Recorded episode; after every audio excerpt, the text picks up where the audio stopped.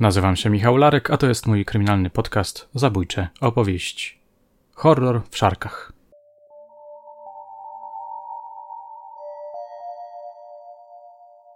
Jest sobota, 31 lipca 1982 roku. Ostatni dzień tego niezwykle upalnego miesiąca. Godzina mniej więcej 11.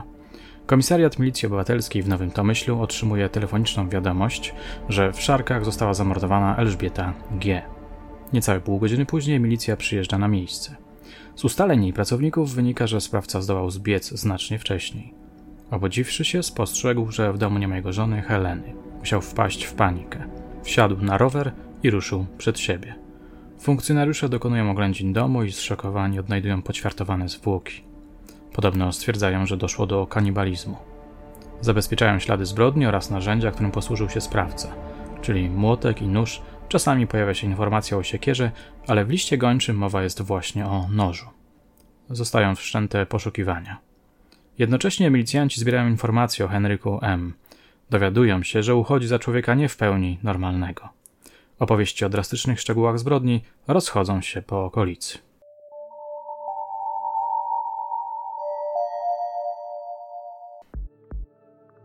O tej makabrycznej zbrodni nagrałem już dwa krótkie materiały. Jednak od tamtego czasu moja wiedza na jej temat znacznie się powiększyła. Mam już za sobą lekturę artykułów prasowych z Gazety Poznańskiej, Głosu Wielkopolskiego, Ekspresu Poznańskiego i innych oraz listu gończego za Henrykiem M., który pożyczył mi jeden z zaprzyjaźnionych oficerów. Udało mi się też dotrzeć do protokołów sekcji zwłok. Najpierw ofiary, czyli 23-letniej Elżbiety G., a potem sprawcy 37-letniego Henryka M. Niestety poznańscy medycy, prokuratorzy, milicjanci, którzy pracowali przy tej sprawie, nie żyją. Przynajmniej ci główni. Ale być może uda się kiedyś dotrzeć do któregoś z funkcjonariuszy z jednostki z Nowego Tomyśla. Byłoby wspaniale. Zapewne to była sprawa ich życia. Takie operacje zdarzają się przecież policjantom niezwykle rzadko. Tu chciałbym dodać, że także komentarze niektórych z Was rzuciły trochę światła na tę makabryczną historię. Na przykład pani Esz, która napisała, że jej rodzina wprowadziła się do domu zabójców. Znam bardzo dobrze tę sprawę, pisała internautka. Zamordowana to chrzestna mojego brata. Mało pan wie o tej sprawie. Po tym morderstwie gmina przydzieliła to mieszkanie rodzicom. Pamiętam, jak się wprowadzaliśmy tam. W kuchni wisiały haki, na których wisiała E, na stole pomyte słoiki, brudne talerze po wątróbce. Ten widok zostanie mi w pamięci do końca życia. Każdy miał w domu siekierę, każdy bał się, aż go policja złapała. Oficjalnie się powiesił. Swoją drogą, wprowadzić się do takiego domu to musiało być mocne doświadczenia, nie sądzicie? Mam nadzieję, że pani Esz odezwie się jeszcze do mnie. Chciałbym z nią porozmawiać. Odbyłem też ciekawą rozmowę telefoniczną z pewnym mężczyzną, który wspominał o państwie Esz. Z jego wypowiedzi najbardziej zainteresowała mnie wzmianka o Elżbiecie. Znałem ofiarę, powiedział mój rozmówca. To była młoda dziewczyna, sympatyczna o ciemnych włosach, Miała nie więcej niż 30 lat. Kojarzy mi się, że miała niecodzienne imię albo nazwisko.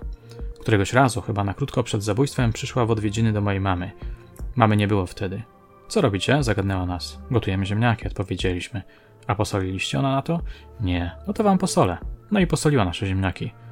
Potem już nigdy więcej jej nie widziałem.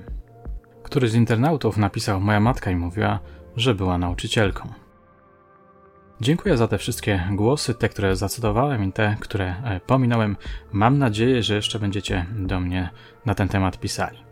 Rekonstrukcję wydarzeń, które Wam opowiem, opieram na doniesieniach Zbigniewa Szymańskiego, który podpisywał się pod swoimi tekstami jako Żuk. Był, jak to ktoś określił po jego śmierci, legendą poznańskiego dziennikarstwa, jednym z najlepiej zorientowanych żurnalistów kryminalnych. Według mnie miał najlepsze pióro ze wszystkich poznańskich dziennikarzy tamtych czasów. Pisał barwnie, niezwykle plastycznie, emocjonująco. To właśnie on soczyście relacjonował wielkopolanom sprawy Józefa Pluty, Edmunda Kolanowskiego, Tadeusza Kwaśniaka. Można by z jego artykułów stworzyć ciekawy pitawal. Podaje to pod rozwagę jego rodzinie. Moje drogie, moi drodzy, posłuchajcie mrocznej opowieści o kanibalu z Szarek.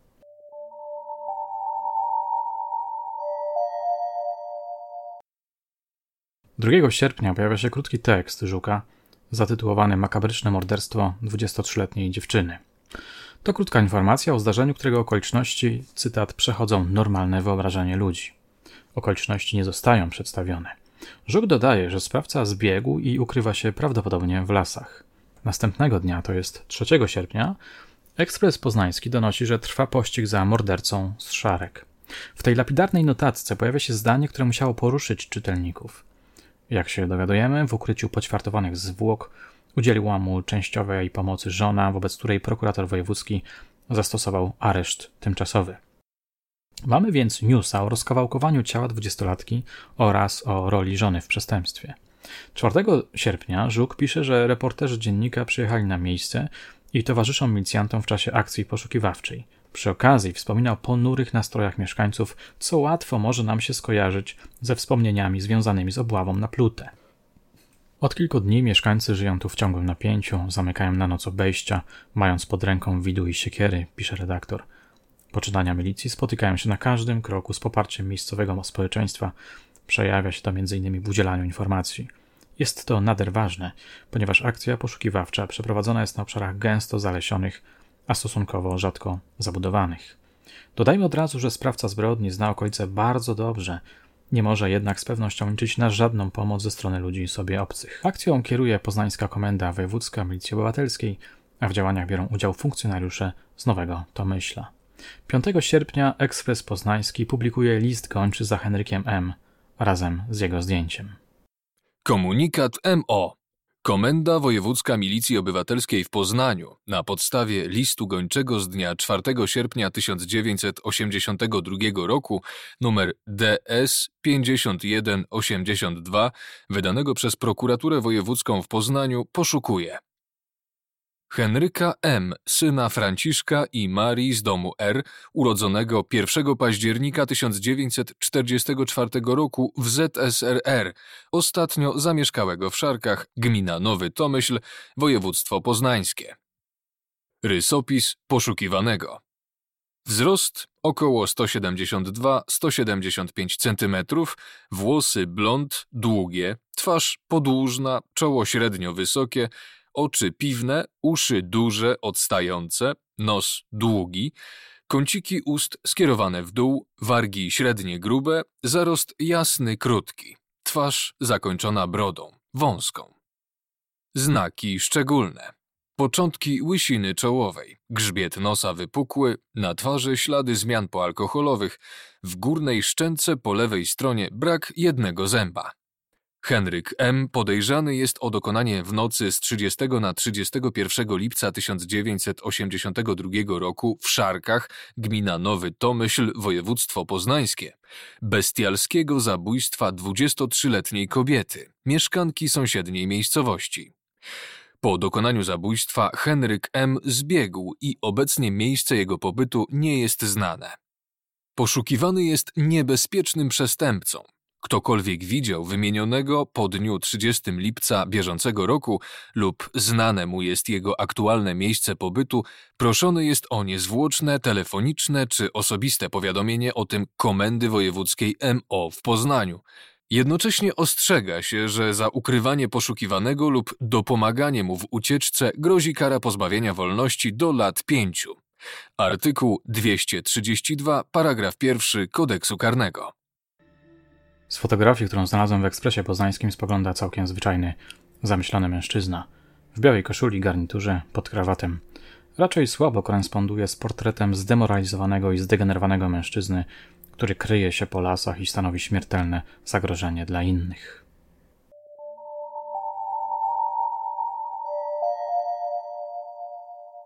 W artykule z tego dnia pojawia się informacja, że uciekinier jest groźnym przestępcą oraz przestroga przed udzielaniem mu pomocy. Za coś takiego grozi kara do 5 lat. Weekendowe wydanie z dni 6-8 sierpnia zawiera już dłuższy tekst, coś w rodzaju reportażu. Dziś chcemy przekazać garść refleksji i szczegółów nieco innej natury. Oznajmia Żuk i zaczyna swoją opowieść po raz kolejny podkreślając, że w szarkach doszło do rzeczy strasznych i nie mieszczących się w głowie normalnych ludzi – Każde zabójstwo, niezależnie od motywów, jakimi kierował się sprawca, budzi zawsze odruch sprzeciwu, społecznego potępienia, pisze. Ale to, co działo się w Szarkach, małej, liczącej zaledwie ponad 30 numerów wiosce, przekracza wszelkie granice ludzkiej wyobraźni, zwłaszcza to, co robił ze zwłokami. Przy tej makabrze blednie zdarzenie będące kanwą słynnej powieści Trumana Capote z zimną krwią. Elżbieta G. przyszła krytycznego wieczoru do domu Heleny i Henryka M. z okazjonalną wizytą. Były to urodziny gospodyni. Przyniosła więc kwiaty. Pito alkohol. Dużo alkoholu. W tym mieszkaniu rzecz to zresztą powszednia. Oczywiście nie wiadomo jeszcze, kiedy w głowie M zrodził się zbrodniczy zamiar. Grubo wcześniej, czy dopiero wówczas, gdy wódka zaczęła uderzać mu do głowy. Jak był trzeźwy, mówią sąsiedzi i ci, którzy go znali, niczym specjalnie nie podpadał. Gdy choć trochę wypił, potrafił pleść bzdury bez ładu i składu. Wtedy zachowywał się jak stuknięty.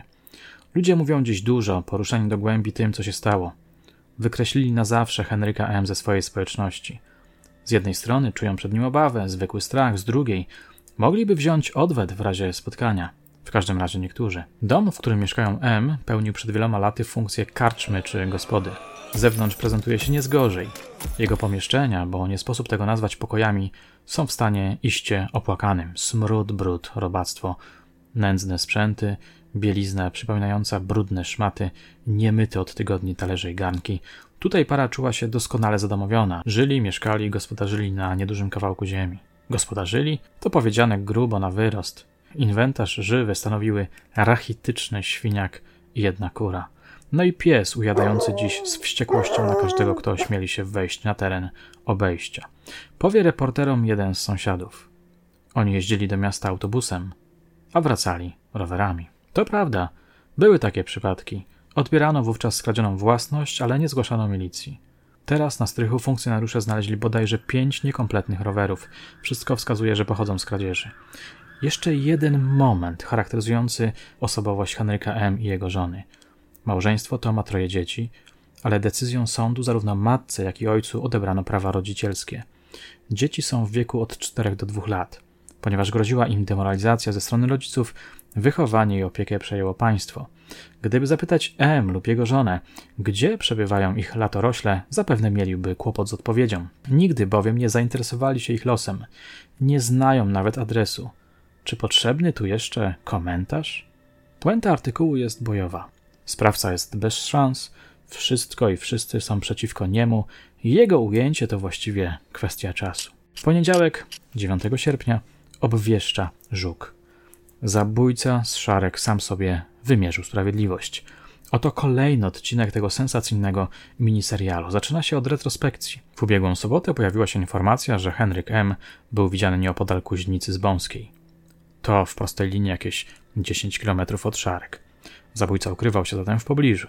Być może nie miał gdzie uciec. W nocy w miejscach, gdzie mieszkała jego rodzina, Szarki oraz Grubsko, urządzono zasadzkę. Nie powiodła się. Do przełomu doszło w niedzielę. Po godzinie dziewiątej załoga radiowozu uzyskała w gospodarstwie krewnych Madeły cenną informację.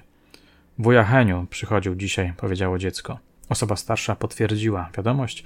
Niedawno widziałem go, jak szedł z krajem zagajnika i trafił do lasu. I wtedy zaczęła się regularna obława. Natychmiast ściągnięto posiłki, otoczono spory kwadrat leśnego terenu, pisał żuk. Krąg coraz się zacieśniał, puszczono tropem psa. Najpierw znaleziona została torba z resztkami jedzenia.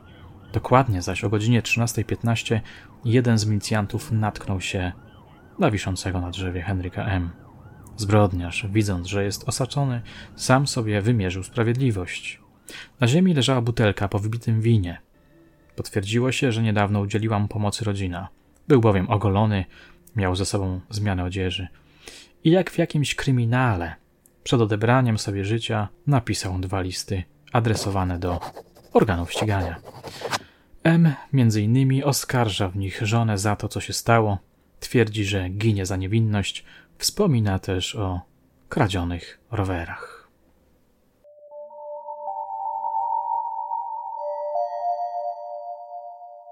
Mocna historia, prawda? Jeśli jesteście ciekawi jej rozwiniętej wersji, czekajcie na moją najnowszą trukrajmową książkę, w której pojawi się także rozdział o Henryku M.